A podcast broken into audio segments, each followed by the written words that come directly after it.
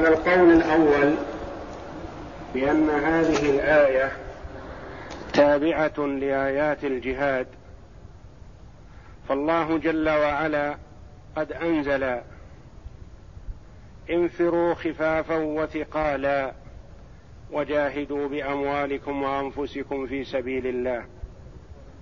وقال جل وعلا وما كان المؤمنون وما ما كان لأهل المدينة ومن حولهم من الأعراب أن يتخلفوا عن رسول الله ولا يرغبوا بأنفسهم عن نفسه. فهاتان الآيتان فيهما الأمر بالخروج للجهاد في سبيل الله مع رسول الله صلى الله عليه وسلم. كما أن الآيات السابقة قبلها وبينها فيها فضيحة لأحوال المنافقين وبيان لمخازيهم وأن من عيوبهم ومن أكبرها تخلفهم عن رسول الله صلى الله عليه وسلم. فهذه الآيات التي في العيب على المنافقين في تخلفهم والآيات التي فيها الأمر بالخروج للجهاد في سبيل الله على أي حالة كان المرء جعلت المؤمنين يهرعون إلى الخروج للجهاد في سبيل الله على أي حال. وسواء خرج النبي صلى الله عليه وسلم خرجوا معه أو أمر بالغزو فخرج كل من كان يطيق ذلك. فيلزم من هذا أنه إن خرج النبي صلى الله عليه وسلم وخرج الناس كلهم معه بقيت المدينة بلا رجال يدافعون عنها الأعداء.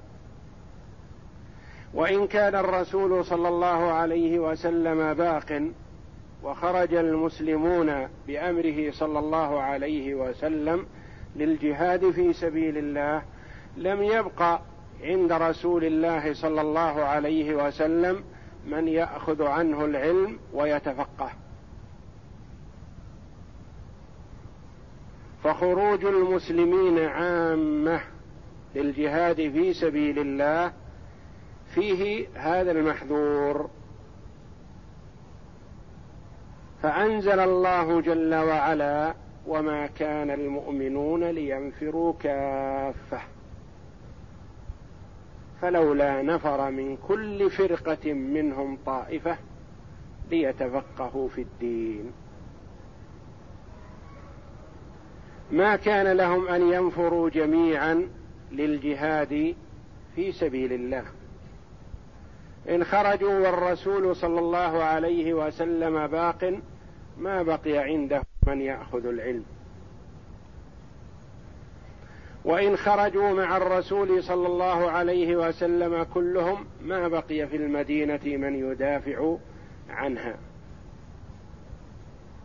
فأمر جل وعلا بأن يخرج من كل قبيلة ومن كل عائلة ومن كل أسرة ومن كل بلد ومن كل قرية ومن كل هجرة ومن كل جماعة من البدو جماعة منهم.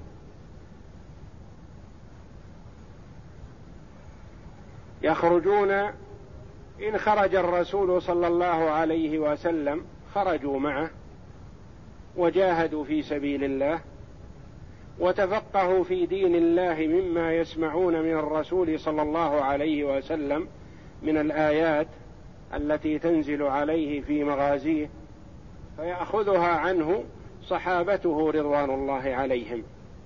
فيتفقهوا مع الرسول صلى الله عليه وسلم وينذروا قومهم إذا رجعوا إليهم. ينذروا قومهم إذا رجعوا إليهم فيبينوا لهم ما علموه وما فقهوه عن النبي صلى الله عليه وسلم. فأمر جل وعلا بأن لا يخرج الكل وإنما يخرج طائفة. وإن كان النبي صلى الله عليه وسلم باق فيخرج طائفة للجهاد في سبيل الله وتبقى طائفة عند النبي صلى الله عليه وسلم تأخذ عنه العلم والتشريع لأن التشريع في وقته صلى الله عليه وسلم تدريجيا. تنزل الأحكام تدريجيا وقد تنزل الآيات وتنسخ في دور التشريع. قد يؤمر بأشياء ثم ينهى عنها بعد ذلك. فالشرع يتجدد شيئا فشيئا في وقته صلى الله عليه وسلم. وقد أكمله الله جل وعلا قبل وفاته عليه الصلاة والسلام بقوله جل وعلا اليوم أكملت لكم دينكم وأتممت عليكم نعمتي ورضيت لكم الإسلام دينا. فتم الشرع قبل وفاة الرسول صلى الله عليه وسلم.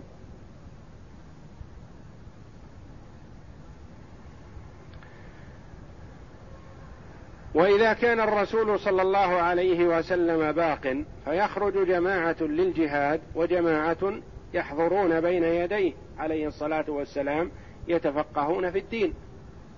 ثم إذا رجع إليهم أولئك المجاهدون أخبرهم الباقون بما استجد من أمر الدين.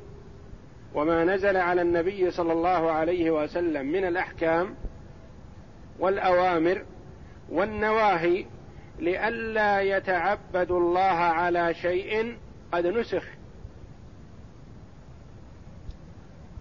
فليتفقه الباقون ولينذروا قومهم إذا رجعوا إليهم إذا رجع إليهم المجاهدون.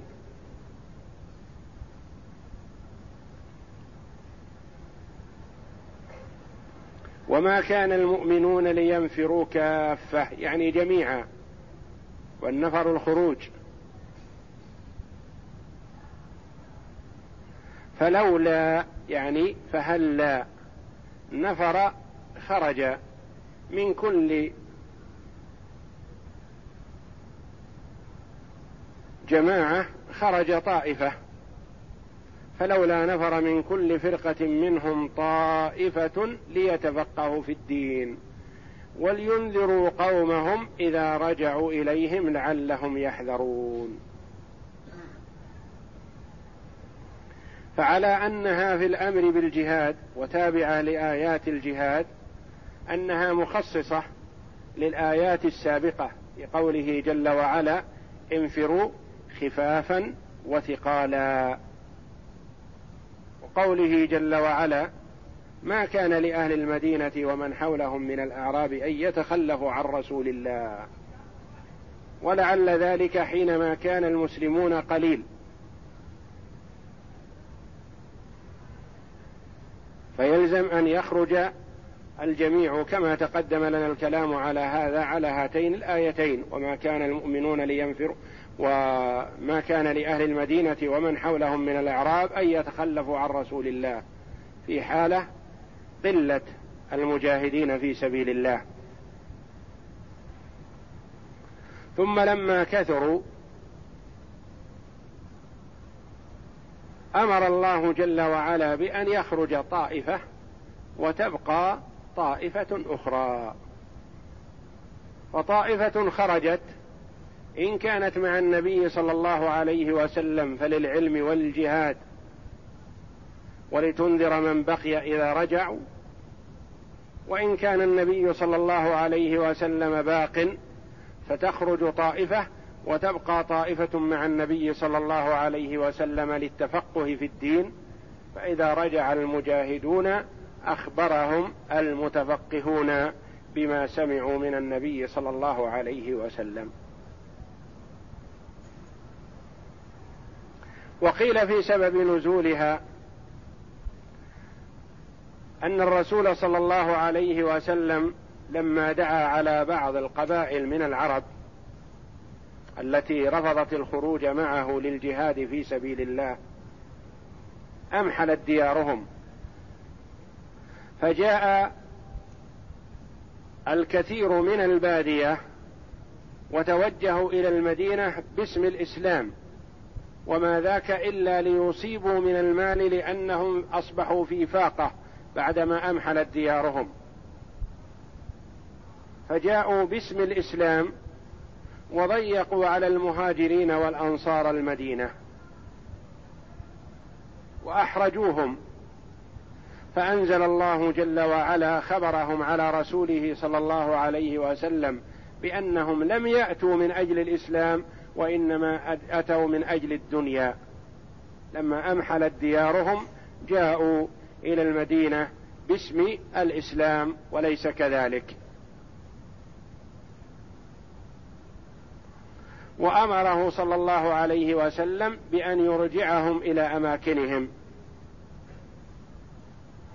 وأنه لا ينبغي أن يأتوا كلهم قاطبة فيضيقوا على المسلمين في المدينة وإنما ليأتي منهم جماعة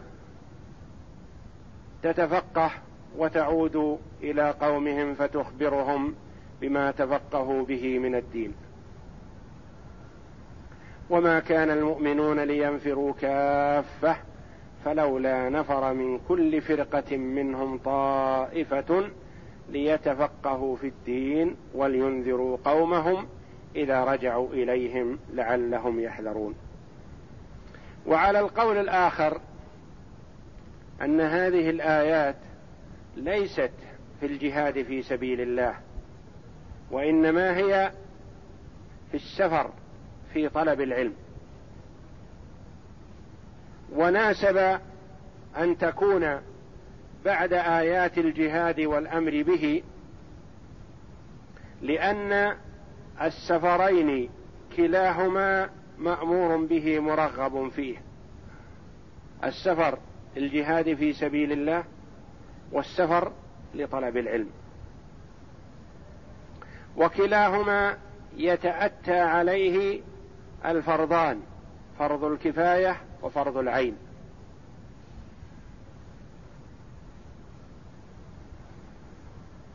فطلب العلم نوعان. فرض كفاية وفرض عين. فرض العين هو ما يلزم المرء معرفته في عبادته الخاصة. يلزمه أن يتعلم كيف يتوضأ.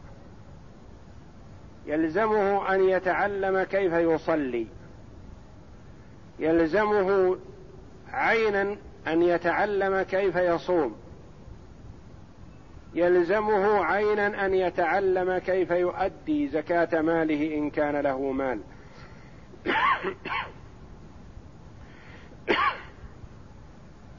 يلزمه عينا أن يتعلم كيف يؤدي حجه.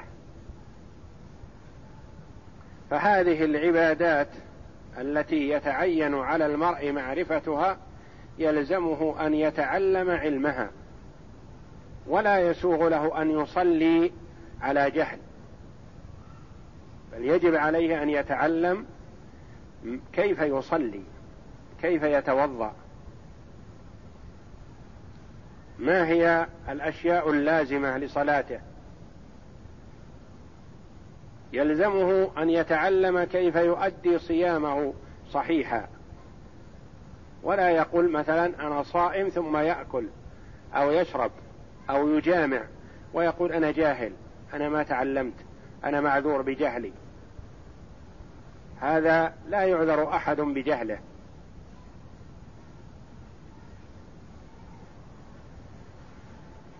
وهناك أنواع من العلم فرض كفاية. كالعلم بالأحكام الفقهية الزائدة عما يحتاجه المرء في عبادته اليومية والفتيا وإيضاح للناس أمور دينهم. هذه من فروض الكفاية. إذا قام بها بعض طلبة العلم سقط الإثم عن الناس كلهم. وإذا ترك الجميع ذلك وتركوا التفقه في الدين أثموا كلهم. هذا فرض الكفاية. إذا قام به من يكفي سقط الإثم عن الباقين.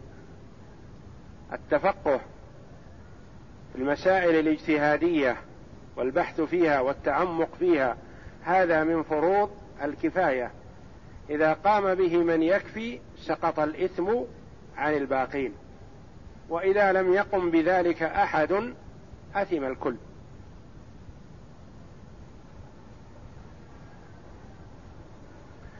فإذا طلب العلم كالجهاد في سبيل الله منه ما هو فرض عين ومنها ما هو فرض كفاية.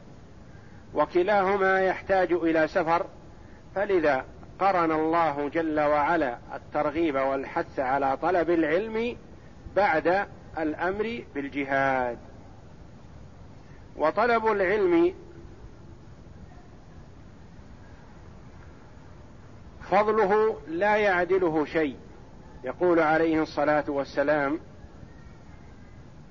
فضل العالم على العابد كفضلي على ادناكم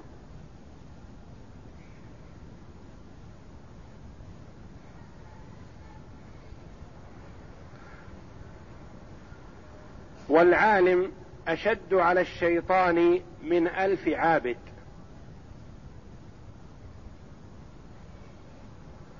والعلم كما قال كثير من العلماء رحمهم الله ونص على ذلك الإمام الشافعي والإمام أحمد. التفرغ لطلب العلم والاشتغال بطلب العلم أفضل من نوافل العبادة الأخرى كالصلاة والصيام.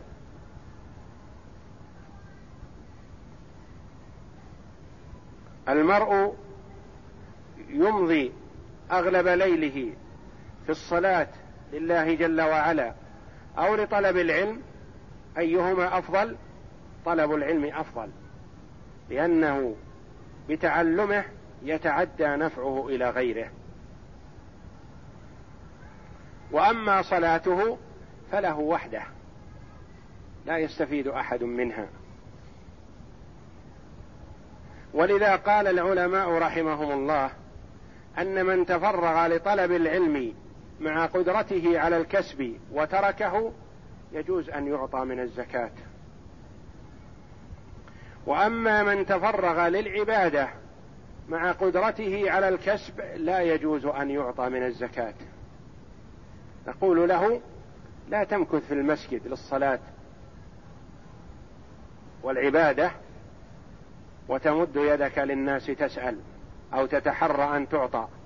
اخرج واكتسب. ولا يجوز لك أن تتفرغ للصلاة وتترك الكسب.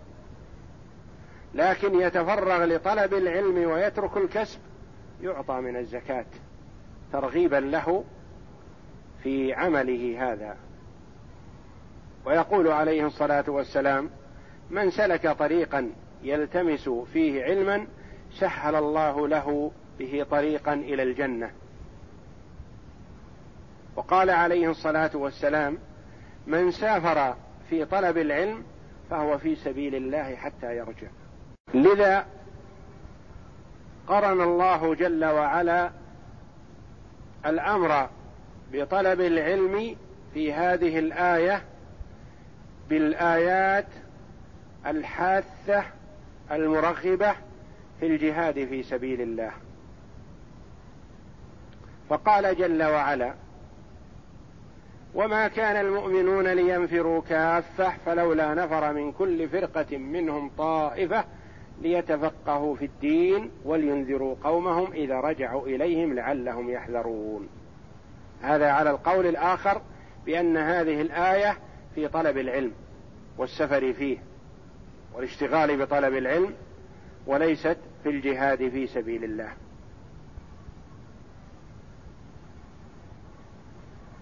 ومعنى ذلك أنه لا يتعين على أهل البلدة أو أهل الهجرة من البادية أو أهل المدينة بأن يتركوا بلدهم ومدينتهم وقراهم ويتوجهوا لطلب العلم كلهم فهذا لا يلزمهم. لما يترتب عليه من تعطيل مصالحهم. وإنما ينفر من كل جماعة طائفة. فيطلب العلم ويتفقه في دين الله ثم يعود إلى قومهم فينذرونهم ويخوفونهم. ويبلغونهم ما سمعوه من الآيات والأحاديث عن النبي صلى الله عليه وسلم.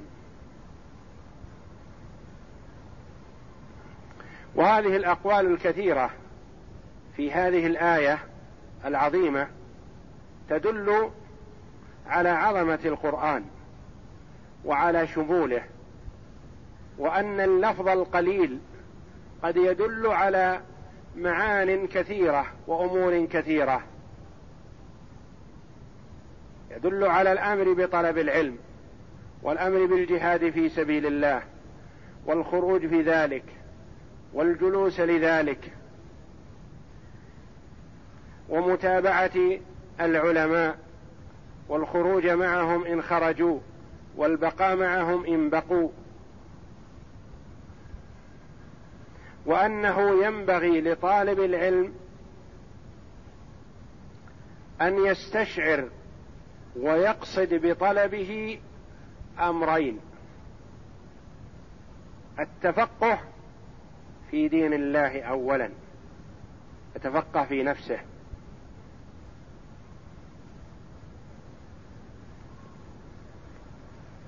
يتعلم كيف يعبد الله. كيف يؤدي ما أوجب الله عليه نحو ربه ونحو إخوانه المسلمين ونحو من يعامله من قريب أو بعيد. يتفقه الأمر الثاني الدعوة إلى ذلك. أما إن تعلم وتفقه واقتصر على نفسه فلم يستفد من علمه هذا. أصبح علمه هذا كأي نوع من أنواع العبادة القاصرة على نفسه كالصلاة مثلا. كالصلاة. وطالب العلم يستفاد منه إذا دعا وبين ووضح ورغب في طاعة الله وحذر عن معصيته ونشر ما تعلمه من دين الله.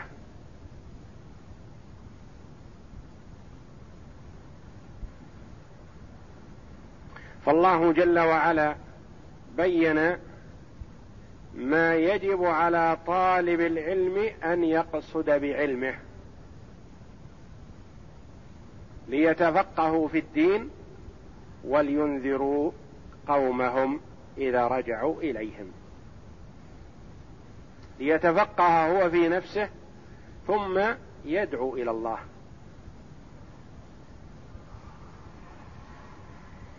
والدعوة إلى الله هي أفضل الوظائف على الإطلاق وهي وظيفة الرسل صلوات الله وسلامه عليهم أجمعين.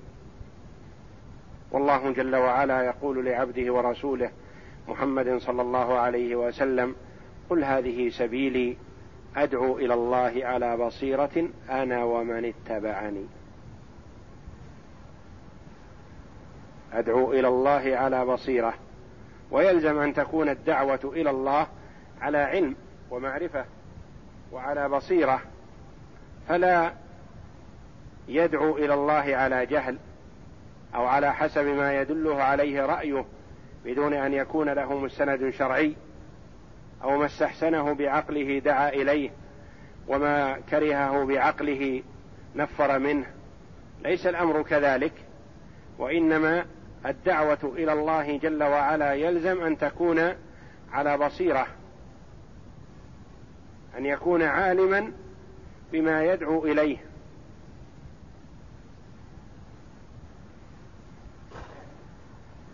وأن الله جل وعلا أمر بذلك. وأن يكون عالما عما ينهى عنه وأن الله جل وعلا نهى عن ذلك.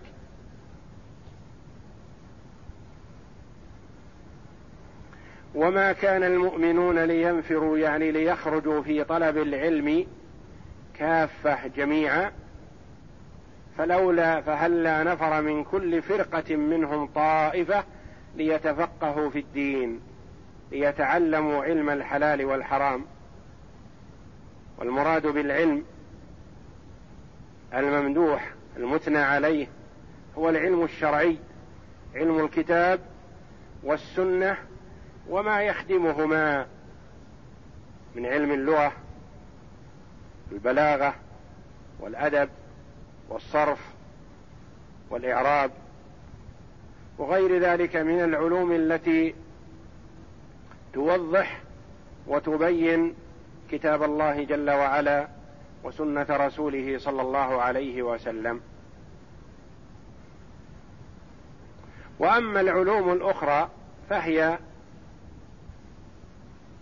ما دام المسلمون في حاجة إليها فهي مأمور بها ومرغب فيها لكن لا تصل إلى درجة العلم الشرعي.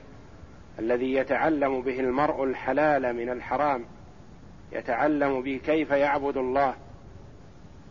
العلوم الأخرى من فروض الكفاية وعلى حسب نية المرء في طلبها إن كان طلبه منها الكسب فله ما أراد وإن كان طلبه نفع المسلمين وإغناءهم عن غيرهم في هذا النوع من العلم فإنه يؤجر على ذلك.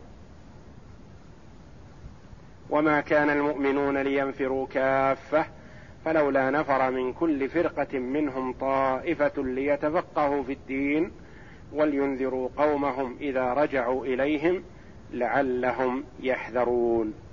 يعني لعل قومهم يحذرون يجتنبون ما نهوا عنه ويفعلون ما أمروا به فيحذروا ما يسخط الله جل وعلا. أعوذ بالله من الشيطان الرجيم. وما كان المؤمنون لينفروا كافة. فلولا نفر من كل فرقة منهم طائفة ليتفقهوا في الدين ولينظروا قومهم إذا رجعوا إليهم لعلهم يحذرون. قال العماد بن كثير رحمه الله تعالى هذا بيان من الله تعالى لما لما أراد من نفير الأحياء مع رسول الله صلى الله عليه وسلم في غزوة تبوك فإنه قد ذهبت طائفة من السلف إلى أنه كان يجب النفير على كل مسلم إذا خرج رسول الله صلى الله عليه وسلم. ولهذا قال تعالى انفروا خفافا وثقالا. وقال ما كان لأهل المدينة ومن حولهم من الأعراب. الآية قال فنسخ ذلك بهذه الآية وقد يقال إن هذا بيان لمراده تعالى من نفير الأحياء كلها وشرذمة من كل قبيلة إن لم يخرجوا كلهم إن لم يخرجوا كلهم ليتفقه الخارجون مع رسول مع الرسول بما ينزل من الوحي عليه وينذروا قومهم إذا رجعوا إليهم بما كان من أمر العدو فيجتمع لهم الأمران في هذا النفير المعين وبعده صلى الله عليه وسلم تكون الطائفة النافرة من الحي إما للتفقه وإما للجهاد فإنه فرض كفاية على الأحياء. وقال علي بن أبي طلحة عن ابن عباس رضي الله عنهما في الآية وما كان المؤمنون لينفروا كافة يقول ما كان المؤمنون لينفروا جميعا ويتركوا النبي صلى الله عليه وسلم وحده. فلولا نفر من كل فرقة منهم طائفة يعني عصبة يعني السير سرايا ولا يعني يسير. يعني عصبة. عصبة. يعني عصبة. يعني عصبة يعني السرايا ولا يسير ولا يسيروا إلا بإذنه. فإذا رجعت السيا فإذا رجعت السرايا وقد أنزل بعدهم قرآن تعلمه القاعدون من النبي صلى الله عليه وسلم. فقالوا إن الله قد أنزل على نبيكم قرآنا وقد تعلمناه وتمكث السرايا يتعلمون ما أنزل الله على نبيهم بعدهم ويبعث سرايا أخرى. فذلك قوله ليتفقهوا في الدين. يقول ليتعلموا ما أنزل الله على نبيهم وليعلموا السرايا إذا رجعت إليهم لعلهم يحذرون. وقال مجاهد نزلت هذه الآية في أناس من أصحاب النبي صلى الله عليه وسلم صلى الله عليه وسلم. خرجوا في البوادي فأصابوا من الناس معروفا ومن أنفسهم من ذلك تحرجا وأقبلوا من البادية كلهم حتى دخلوا على النبي صلى الله عليه وسلم. فقال الله عز وجل فلولا نفر من كل فرقة منهم طائفة يبغون الخير ليتفقهوا في الدين وليستم وليستمعوا ما في الناس وما أنزل الله فعذرهم ولينذروا قومهم الناس كلهم إذا رجعوا إليهم لعلهم يحذرون. وقال قتادة في الآية هذا إذا بعث رسول الله صلى الله عليه وسلم الجيوش أمرهم الله أن يغزوا بنبيه صلى الله عليه وسلم وتقيم طائفة مع رسول الله صلى الله عليه وسلم تتفكه في الدين. وتنطلق طائفة تدعو قومها وتحذرهم وقائع الله في من خلا قبلهم. وقال الضحاك كان رسول الله صلى الله عليه وسلم إذا, غنى إذا غزا بنفسه لم يحل لأحد من المسلمين أن يتخلف عنه إلا أهل العذار. وكان إذا أقام وأسرى السرايا لم يحل لهم أن ينطلقوا إلا بإذنه. وكان الرجل إذا وكان الرجل إذا إذا أسرى فنزل بعده قرآن وتلاه نبي الله صلى الله عليه وسلم على أصحابه القاعدين معه؟ فإذا رجعت السرية قال لهم الذين أقاموا مع رسول الله صلى الله عليه وسلم إن الله أنزل بعدكم على نبيه قرآنا فيقرؤونهم ويتفقهونهم في الدين وهو قوله وما كان المؤمنون لينفروا كافة يقول إذا أقام رسول الله فلولا نفر من كل فرقة منهم طائفة يعني بذلك أنه لا ينبغي للمسلمين أن ينفروا جميعا ونبي الله صلى الله عليه وسلم قاعد. ولكن إذا قعد نبي الله صلى الله عليه وسلم فسرت السرايا وقعد معه معظم الناس. وقال علي بن أبي طلحة أيضا عن ابن عباس رضي الله عنهما في الآية قوله وما كان المؤمنون لينفروا كافة إنها ليست في الجهاد ولكن لما دعا رسول الله صلى الله عليه وسلم على مضرب السنين أيدبت بلادهم وكانت القبيلة منهم تقبل بأسرها حتى يحلوا بالمدينة من الجهد ويعتلوا بالإسلام وهم كاذبون فضيقوا على أصحاب رسول الله صلى الله عليه وسلم وأجهدوهم أنزل الله تعالى يخبر رسوله أنهم ليسوا مؤمنين فردهم رسول الله صلى الله عليه وسلم إلى أشاعرهم وحذر قومهم أن يفعلوا فعلهم فذلك قوله ولينذروا قومهم إذا رجعوا إليهم الآية.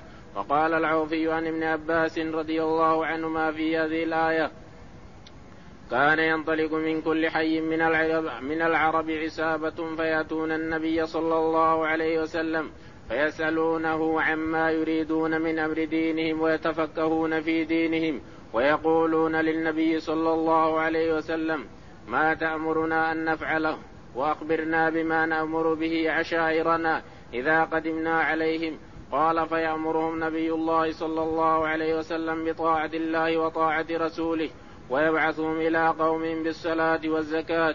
وكانوا إذا أتوا قومهم قالوا إن من أسلم فهو منا وينظرونهم حتى إن الرجل ليفارق أباه وأمه. وكان النبي صلى الله عليه وسلم يخبرهم وينذرهم, وينذرهم قومهم. كانوا رجعوا إليهم يدعونهم إلى الإسلام وينذرونهم النار ويبشرونهم بالجنة. وقال عكرمة لما نزلت هذه الآية إلا تنفروا يعذبكم عذابا أليما. وما كان لأهل المدينة الآية قال المنافقون هلك أصحاب البدو الذين تخلفوا عن محمد صلى الله عليه وسلم ولم ينفروا معه. وقد كان ناس من أصحاب النبي صلى الله عليه وسلم خرجوا إلى البدو إلى قومهم يتفقهونهم فأنزل الله وما كان المؤمنون لينفروا كافة الآية. ونزلت والذين يحاجون في الله من بعد ما استجيب له حجة داحضة عند ربهم وعليهم غضب ولهم عذاب شديد.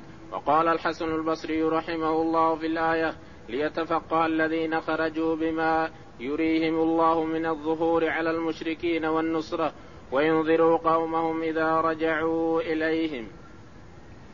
والله أعلم وصلى الله وسلم وبارك على عبده ورسول نبينا محمد وعلى آله وصحبه.